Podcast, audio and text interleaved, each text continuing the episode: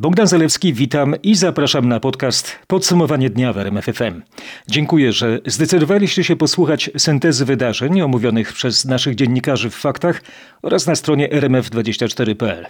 To 25 stycznia, poniedziałek. Oto najważniejsze wydarzenia, najistotniejsze sprawy i najciekawsze wypowiedzi z ostatniej doby. Mniej zarażonych SARS-CoV-2, optymizm jednak gasi skromna liczba testów. Kolejny poślizg ze szczepionkami dla Polski. Opóźnia się transport do naszego kraju preparatu firmy Moderna. Rządowa obietnica luzowania antypandemicznych obostrzeń. Konkrety we wtorek. Prawie co trzeci Polak mógł być do tej pory nosicielem koronawirusa, szacują lekarze. Brytyjski rząd zamierza bardziej uszczelnić granice w obronie przed nowymi mutacjami. Z tego powodu Francja nie wyklucza twardego lockdownu, czyli totalnych ograniczeń. Chiny wyprzedziły Stany Zjednoczone w kategorii bezpośrednich inwestycji zagranicznych. Setki wniosków o kary w Rosji dla demonstrantów wspierających antyputinowskiego opozycjonistę Aleksieja Nawalnego. Atak zimy w części naszego kraju. Szczegółowo opiszemy sytuację na Podkarpaciu i w Tatrach. Erwin Słówka spoczął na cmentarzu w Katowicach. Malarz był ostatnim żyjącym twórcą słynnej grupy janowskiej.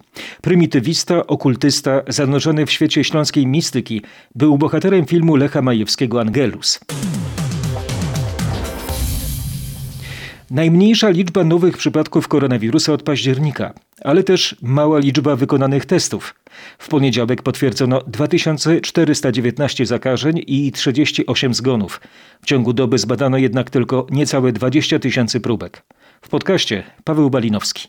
Minister Adam Niedzielski przekonywał, że dane z najnowszego raportu jego resortu pozwalają na pewien optymizm. Dzisiejsze wyniki epidemiczne pokazują, że pandemia się stabilizuje. Nie da się jednak nie zauważyć, że niska liczba zakażeń to też wynik niewielu wykonanych testów. Dla przykładu w sobotę było ich 45 tysięcy w ciągu doby i zachorowań wykryto ponad dwa razy więcej niż dziś. Dobra wiadomość jest taka, że spada liczba zajętych przez pacjentów z koronawirusem łóżek. Jest ich już mniej niż 15 tysięcy. W tej chwili 1467 najciężej chorych osób nie może samodzielnie oddychać i potrzebuje pomocy respiratorów. A teraz w podsumowaniu dnia o mnożących się problemach ze szczepionkami. Oto korespondencja z Brukseli, z naszych wieczornych poniedziałkowych faktów. Komisja Europejska podejmuje działania, by powstrzymać opóźnienia w dostawach szczepionek przeciwko COVID-19 do unijnych krajów. Po firmie Pfizer-BioNTech, Modernie, teraz AstraZeneca, która nawet jeszcze nie jest zarejestrowana na unijnym rynku, zapowiedziała ograniczenie dostaw w pierwszym kwartale. Unijna komisarz do spraw zdrowia Stella Kyriakides powiedziała, że wyjaśnienia firmy są niewystarczające. Z Brukseli Katarzyna Szymańska-Borginą. Jeszcze tej nocy będą prowadzone dalsze rozmowy. Komisja Europejska zapowiedziała, że wprowadzony zostanie mechanizm przejrzystości eksportu. Bruksela chce mieć pewność, że firmy, które zapowiadają opóźnienia w dostawach na unijnym rynku, nie eksportują szczepionek na przykład do Japonii czy Korei Południowej, które płacą więcej. In the future.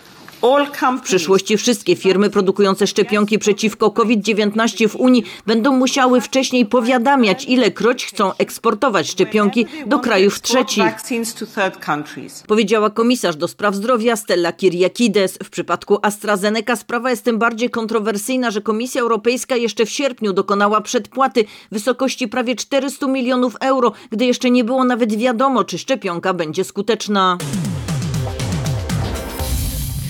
Być może trzeba będzie modyfikować harmonogram dostaw. Tak mówi odpowiedzialny za program szczepień minister Michał Dworczyk po informacjach o kolejnych kłopotach z dostawami szczepionek. Po ograniczeniu dostaw przez firmę Pfizer teraz opóźniony będzie transport preparatu firmy Moderna. We wtorek nie przyjedzie 420 tysięcy dawek. W podsumowaniu dnia Mariusz Piekarski. O ile to dostawa jest opóźniona? O kilka dni, ale jutrzejszy transport nie dojdzie do skutku. Przesunięta e, najwcześniej na najbliższy weekend. Ta zmiana na razie nie ma jeszcze wpływu na tempo szczepień. Dawki na ten tydzień zostały rozdzielone, po drugie chodzi o niewiele, 42 tysiące dawek i tylko przesunięcie dostawy. Nie ma jednak pewności, czy i kolejne dostawy Moderny nie będą przesuwane, a to już 100 tysięcy dawek. Będziemy, jeśli będzie taka konieczność, zmodyfikowali harmonogram. Przyznaje minister Dworczyk, płynność szczepień seniorów będzie wtedy najważniejsza, dodaje minister zdrowia Adam Niedzielski. Czyli cała ta grupa 70 plus i ona tutaj będzie priorytetem. A to może oznaczać, że jeśli szczepionek zacznie brakować, znowu odroczone mogą być szczepienia w grupie zero. Warszawa, Mariusz Piekarski. Nasze szczepionki pozostają skuteczne wobec najnowszych wariantów koronawirusa, potwierdzają firmy Pfizer i Moderna. Naukowcy obawiają się jednak szczególnie wariantu z Republiki Południowej Afryki, który wydaje się wywoływać znacznie słabszą reakcję układu odpornościowego zaszczepionych osób. Moderna zapowiedziała więc pracę nad zmodyfikowanym preparatem. Kiedy można się go spodziewać? O tym Grzegorz Jasiński. Sama praca nad oryginalną szczepionką Moderny trwała 42 dni. W przypadku nowej wersji można to będzie skrócić, ale zapewne nieznacznie. Kluczem pozostanie procedura testów klinicznych i warunki dopuszczenia do użytku. Rozmowy w tej sprawie dopiero się zaczynają. Moderna podkreśla, że oryginalna szczepionka zapewnia wystarczający poziom ochrony, ale nowy preparat podany po roku w postaci dawki przypominającej mógłby być jeszcze skuteczniejszy. W przypadku szczepionek typu mRNA odpowiedź na nowe pojawiające się warianty wirusa może być z zasady znacznie szybsza niż w przypadku tradycyjnych. O wątpliwościach dotyczących nowej południowoafrykańskiej odmiany koronawirusa przeczytacie na rmf24.pl. Już prawie 6,5 miliona Brytyjczyków zostało zaszczepionych przeciwko koronawirusowi. Jak donosi nasz korespondent Bogdan Frymorgan, aby uchronić wyspiarzy przed nowymi mutacjami, rząd premiera Borisa Johnsona bierze pod uwagę jeszcze większe uszczelnienie granic. Chodzi o wprowadzenie obowiązkowej dziesięciodniowej kwarantanny w hotelach dla ludzi przybywających do Wielkiej Brytanii. I to nie tylko z regionów, gdzie pojawiły się nowe mutacje wirusa. Decyzje w tej sprawie jeszcze nie zapadły, ale według uczonych to jedyny sposób na ochronę korzyści wynikających z obecnego programu szczepień. Ich zdaniem stosowane na wyspach produkty Pfizera i Oxfordu powinny skutecznie ochronić Brytyjczyków przed nową odmianą koronawirusa, która pojawiła się na południu Anglii. Ale jak podkreślają, mutacje, jakie zaobserwowano w Brazylii czy RPA, są na tyle poważne, że nie można mieć wobec nich takiej pewności. We Francji w związku z groźnymi odmianami koronawirusa niewykluczone jest wprowadzenie twardego lockdownu. O szczegółach z Paryża nasz korespondent Marek Gładysz. Paryscy epidemiolodzy alarmują, że zwlekanie z wprowadzeniem ogólnokrajowego lockdownu może spowodować szybkie rozprzestrzenianie się nowych odmian koronawirusa, które wymykają się spod kontroli. Szef stworzonej przez prezydenta Macrona doradczej Rady Naukowej profesor Jean-François Delfrécy twierdzi, że wariant koronawirusa z RPA może osłabiać działanie dotychczasowych szczepionek o 40% i podobnie jak brazylijski jest w stanie zakażać osoby, które chorowały już na COVID-19. Jego zdaniem należy więc obawiać się nie trzeciej fali dotychczasowej epidemii koronawirusa, ale po prostu nowej pandemii. 30% Polaków mogło już przejść koronawirusa. Można to oszacować po badaniach przesiewowych czy testach wykonywanych przy przyjęciach do szpitali. Gdybyśmy wiedzieli, ile mamy osób z przeciwciałami, inaczej można byłoby planować walkę z pandemią, uważa dr Lidia Stopyra ze szpitala imienia Żeromskiego w Krakowie. Myślę, że warto byłoby zidentyfikować ozdrowieńców, dlatego że to nam daje duże możliwości. Identyfikacja ozdrowieńców, po to zresztą są wykonywane badania serologiczne, żeby zaplanować pewne czy odblokowanie reżimów sanitarnych, czy umożliwić decyzje odpowiedzialne. Jednocześnie lekarze wprost przyznają, że obawiają się mutacji koronawirusa. Szczepionka działa na wariant brytyjski, ale musimy przyspieszyć szczepienia, by uniknąć wielu mutacji, mówi z kolei wicedyrektor szpitala imienia Żeromskiego dr Katarzyna Turek-Fornelska. Oczywiście, że się obawiamy. To jest tak jak przy wszystkich chorobach wirusowych, gdzie wirusy mutują. Im dłużej ten wirus plącze się po populacjach, tym większe jest ryzyko kolejnych mutacji. Ten angielski przede wszystkim, co jest ważne, nie ucieka przed szczepionką. My się boimy, że pojawi się taki wirus, który będzie wymagał modyfikacji szczepionki. Oficjalnie w Polsce mamy ponad milion 300 tysięcy ozdrowieńców. Szczepienia seniorów ruszyły w poniedziałek w całym kraju. W Warszawie setki zapisanych wcześniej osób szczepiono w szpitalu tymczasowym na Stadionie Narodowym. Tam dziesiątki wolontariuszy pomagały seniorom załatwić formalności i dotrzeć do odpowiedniej sali. Jakby nie ludzie, którzy pomagają, to bym w ogóle tam nie trafiła bo to są tak rozległe tereny. Tak wszystko jest zorganizowane, że naprawdę przechodzi się z jednego stanowiska na drugie i to tak mhm. niedługo nawet trwa. Samo szczepienie to minuta, a nic nie bolało. usłyszeliśmy od pań, które przyjęły już pierwszą dawkę szczepionki. Wywiad z lekarzem czeka każdego seniora zgłaszającego się na szczepienie przeciwko koronawirusowi. Porady Michała Dobrowicza. Po pierwsze padną pytania o przyjmowane leki i o choroby przewlekłe. Seniora przed szczepieniem czeka też krótkie badanie, w tym mierzenie temperatury. Trzeba być przygotowanym, jak podkreśla dr Paweł Grzesiowski, że w razie wątpliwości to wstępne badanie przedłuży się. Trzeba na przykład zrobić jakieś dodatkowe badania, wtedy to szczepienie się po prostu przesunie. Ale jeżeli wszystko jest ok, to po takiej rozmowie po wyrażeniu zgody szczepiony pacjent może być. Każdy pacjent przed szczepieniem musi też wypełnić specjalny formularz z pytaniami o aktualny stan zdrowia. Formularz można uzupełnić już w domu, a wcześniej znaleźć go w internecie. Ważne jest jednak, aby zrobić to w dniu szczepienia. Formularz kwalifikujący na szczepienie znajdziecie na rmf24.pl. Coraz więcej uczelni decyduje się na wprowadzenie nauczania zdalnego w drugim semestrze. Takie decyzje zapadły już m.in. na Uniwersytecie Jagiellońskim, Warszawskim i Gdańskim. Niedługo do tej listy dołączą kolejne szkoły wyższe, ustalił nasz reporter Grzegorz Kwolek. Prawdopodobnie jutro takie zarządzenie wydadzą rektorzy uniwersytetów we Wrocławiu i Łodzi. W ciągu kilku dni podobna decyzja zapadnie na Uniwersytecie im. Adama Mickiewicza w Poznaniu. Większość uczelni już szykuje akty prawne, które pozwalają do odwołania prowadzić zajęcia przez internet. Na liście takich zajęć są wyjątki, to m.in. laboratoria i ćwiczenia, których nie da się prowadzić na odległość. Niektóre uczelnie, jak Uniwersytet Marii Skłodowskiej i Curie w Lublinie, pozwalają doktorantom na stacjonarne prowadzenie badań naukowych. Rząd ma we wtorek ogłosić pierwsze w obecnej fazie kryzysu luzowanie obostrzeń. Szykowana jest w tej sprawie konferencja prasowa premiera Mateusza Morawieckiego. Krzysztof Brenda w podcaście. Czego konkretnie się spodziewać? Spodziewajmy się otwarcia sklepów w galeriach handlowych. Zarówno ludzie odpowiadający w rządzie za gospodarkę, jak i zdrowie twierdzą, że tu sprawa jest przesądzona.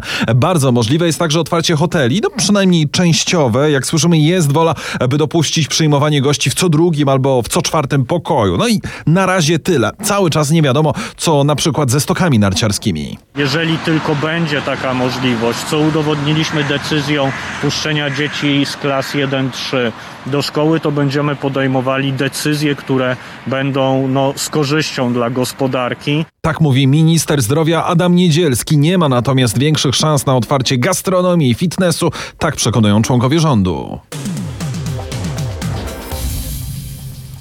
To nie jest dobry czas na luzowanie obostrzeń. Komentował w porannej rozmowie w RMFFM profesor Andrzej Horman, główny doradca premiera do spraw walki z COVID-19.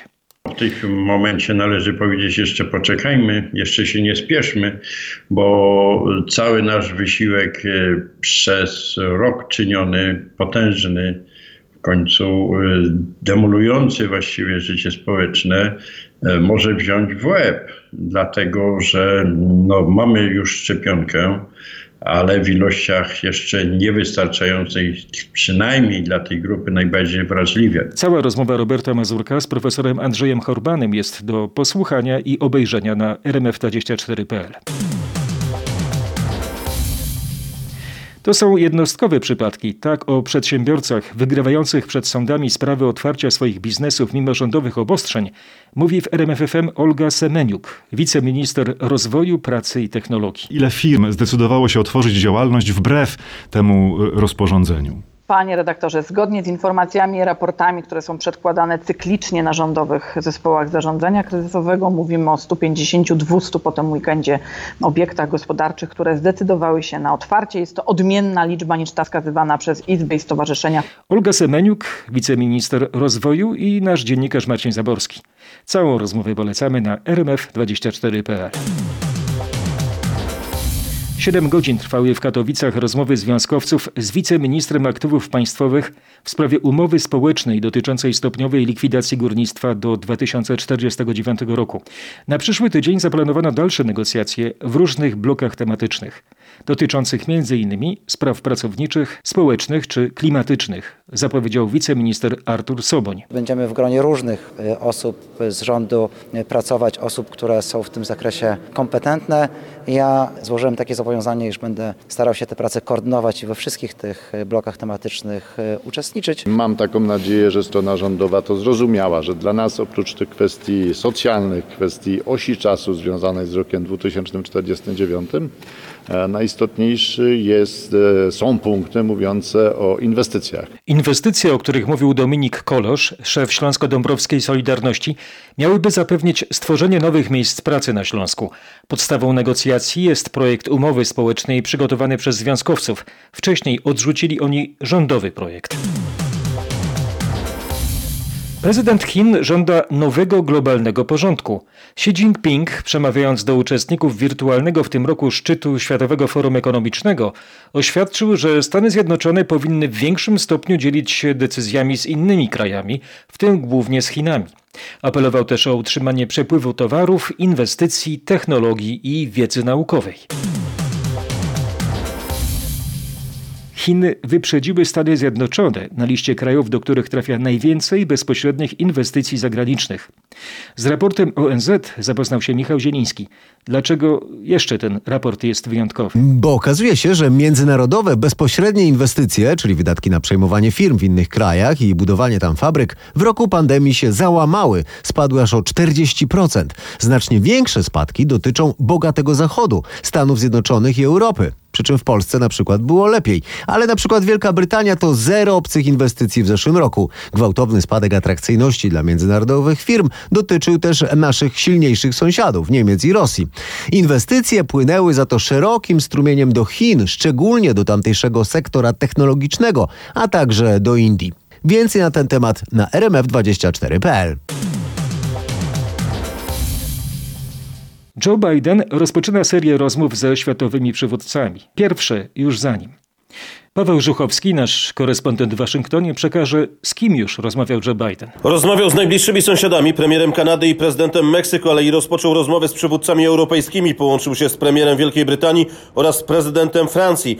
W najbliższych dniach ma odbyć się też rozmowa z kanclerz Niemiec. Biden zapowiada polepszenie relacji z Europą. W tym tygodniu nowy prezydent ma skupić się jednak głównie na sprawach krajowych, w walce z epidemią. Administracja Joe Bidena podejmuje szereg kroków, które w ocenie nowego przywódcy mają doprowadzić do ograniczenia rozprzestrzeniania się pandemii i zwiększenia liczby szczepień. 450 wniosków o ukaranie trafiło do moskiewskich sądów po sobotnich demonstracjach wsparcia dla aresztowanego opozycjonisty Aleksieja Nawalnego. Na ulice rosyjskiej stolicy wyszły tysiące ludzi. Setki demonstrantów zatrzymano. W podsumowaniu dnia Krzysztof Zasada.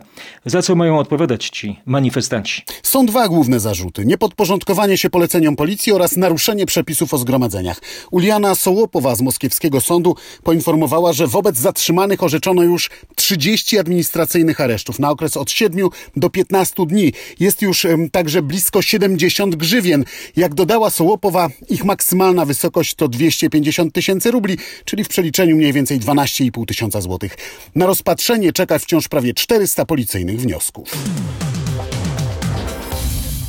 Areszt dla 35-letniego Jakuba D., podejrzanego o piątkowy napad na kantor w centrum Olsztyna i postrzelenie dwojga pracowników. Tylko tymczasowe aresztowanie podejrzanego może zapewnić prawidłowy tok postępowania w tej sprawie. Wynika to zarówno z faktu, że grozi mu surowa kara, bo od 12 lat pozbawienia wolności aż po dożywocie, ale także istnieje realna obawa, że Jakub D.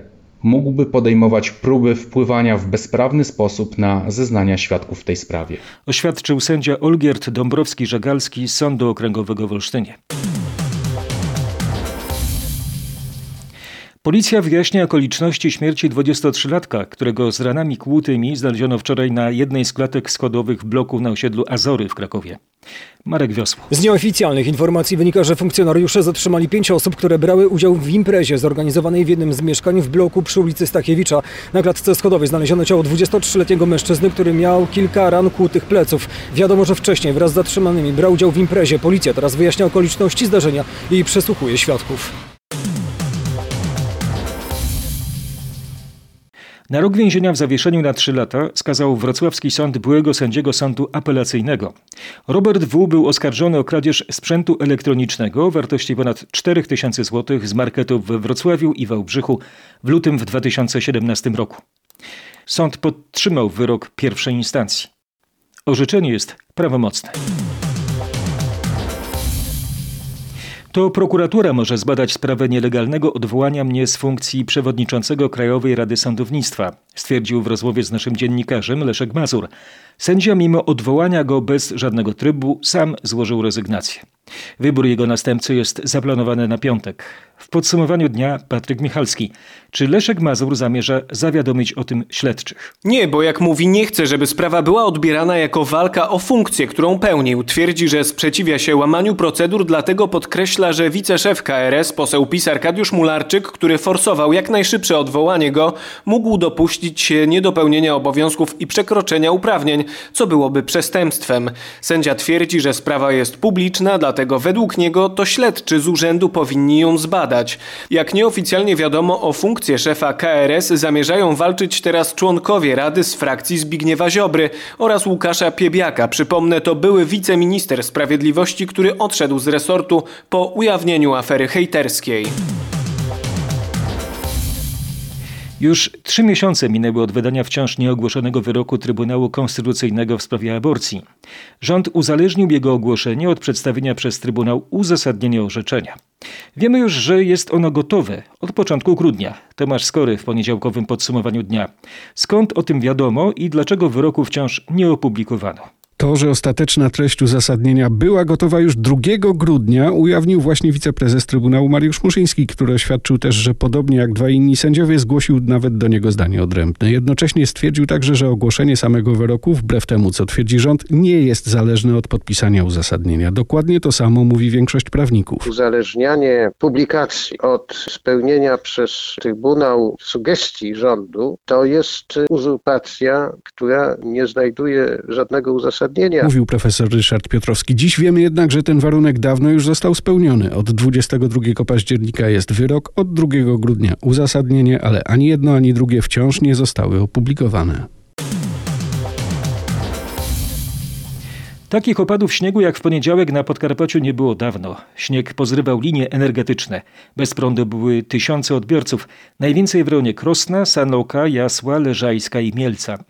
Narzekali kierowcy, którzy stali w gigantycznych korkach oraz piesi chodzący po nieodśnieżonych chodnikach. Widzę, odśnieża pan samochód. Jak się jeździ dzisiaj? No jeździ się ciężko, ale trzeba wziąć to pod uwagę i zachować ostrożność, ale no co zrobić? Pamięta pan takie opady? Może 10 lat temu. Ciężko dzisiaj? Ciężko. Widzę, że na piechotę. Jak się chodzi po chodnikach? Tragicznie. Ślisko, nieodśnieżone w większości. Zaskoczyła pana zima? No, wiem, w pewnym sensie tak, ale jak jest taki okres, no to trzeba być przygotowanym na i takie warunki. Z mieszkańcami Krosna rozmawiał reporter RMF Max Łukasz Zakrzewski. Nie ma dnia właściwie bez przerw w dostawach ciepła w Warszawie. Tym razem zimne kaloryfery mieli mieszkańcy kilkunastu budynków w rejonie ulic Puławskiej i Merliniego na Mokotowie oraz Elekcyjnej na Woli. Ponad 20 cm śniegu spadło w ciągu ostatniej doby w Tatrach. Ratownicy TOPR utrzymali trzeci, znaczny stopień zagrożenia lawinowego, ale obniżyli wysokość nad poziomem morza, nad którym obowiązuje z 1900 na 1700. A to oznacza, że to wyższe ryzyko zajścia lawin istnieje na znacznie większym obszarze Tatr. Sytuacja lawinowa się nie poprawi. Na pewno te warunki się będą pogarszać. Na razie cały czas ma sypać śnieg, więc to wszystko będzie póki co szło w złą stronę. Znaczy będzie coraz gorzej tylko. Myślę, że przy tych warunkach no to już naprawdę najlepsi turyści, najbardziej wyszkoleni, przygotowani mogą sobie pozwolić na jakieś powiedzmy łatwe wycieczki. A o tych trudniejszych wycieczkach i górne partie Tatr, no to trzeba na razie zapomnieć. Ostrzega ratownik TOPR Bartłomiej Stoch-Michna. IKEA wycofuje dwie partie pieczywa chrupkiego. W sezamie, który jest składnikiem tego produktu, wykryto tlenek etylenu. Tak wynika z ostrzeżenia publicznego Głównego Inspektoratu Sanitarnego. Które konkretnie partie wycofano, wszystkie informacje znajdziecie na portalu Twoje zdrowie rmf24.pl. Reprezentacja Polski w piłce ręcznej mężczyzn w ostatnim meczu na Mistrzostwach Świata zremisowała z Niemcami 23 do 23. W decydującej akcji Andreas Wolf obronił rzut Patryka Walczaka. Ostatecznie biało-czerwoni zajęli czwarte miejsce w swojej grupie i pożegnali się z turniejem. Rozpoczyna się nowy etap odbudowy paryskiej katedry Notre Dame. Stworzona zostanie blisko 80-tonowa drewniana struktura, podtrzymująca częściowo zniszczone sklepienie świątyni. W podsumowaniu dnia Paryż i korespondencja Marka Gładysza. 52 drewniane wsporniki, z których każdy waży półtorej tony, umieszczane będą stopniowo przez pół roku pod sklepieniem katedry, by zapobiec groźbie zawalenia się. Następnie będą one również podtrzymywać nowe kamienne bloki, które zostaną użyte do rekonstrukcji sklepienia, co będzie trwało prawdopodobnie około 2-3 lat. W sumie użytych zostanie 1500 m3 drewna. Sporniki transportowane będą do paryskiej katedry wielkimi ciężarówkami z lotaryngi, gdzie są one wytwarzane.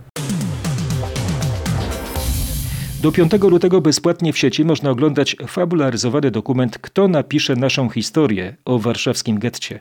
Producentką filmu jest siostra Stevena Spielberga. Let the witness be our writing.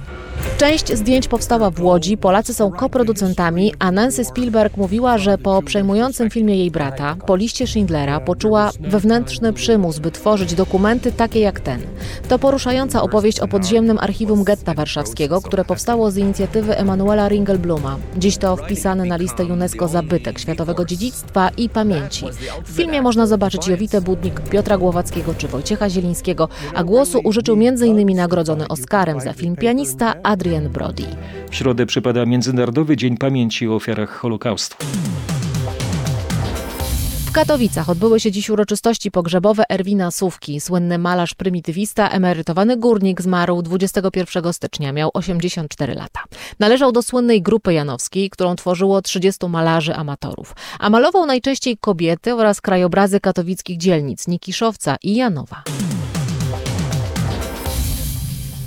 A teraz Lalek, dramat Słuchowisko Zbigniewa Herberta. Online spektakl prezentują artyści Teatru Polskiego w Warszawie pod opieką artystyczną Katarzyny Skarżanki. Dramat Słuchowisko Zbigniewa Herberta inspirowany jest prawdziwymi wydarzeniami sprzed 60 lat w Augustowie, gdzie przebywał autor. Nad jeziorem Necko doszło do zabójstwa młodego mężczyzny o przezwisku Lalek. Nagranie czytania będzie dostępne na Facebooku teatru do piątku. Teatr Pinokio w Łodzi przygotował pierwszy spektakl, który będzie pokazywany online. Kwiat paproci to jest opowieść luźno wpisana w staropolską znaną legendę i oparta o elementy starosłowiańskiej mitologii. Premiera w piątek. Pora na inne mity ze świata popkultury.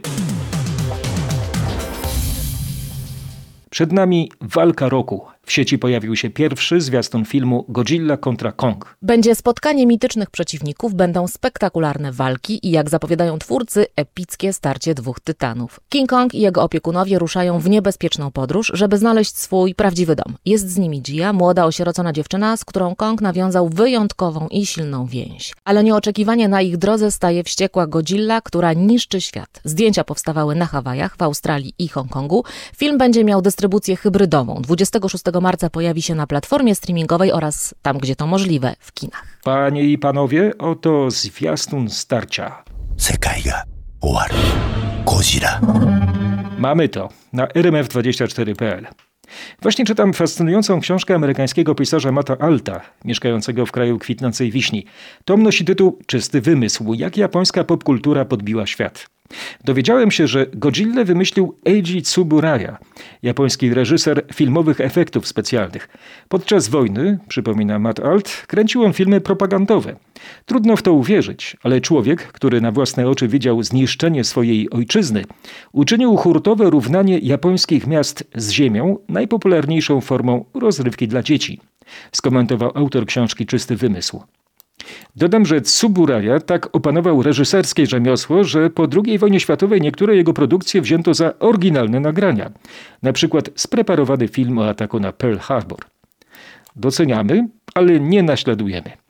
W naszym podcaście są tylko fakty, czyli informacje prawdziwe. Bogdan Zalewski, dziękuję bardzo i zapraszam na wtorkowe podsumowanie dnia w RMFFM.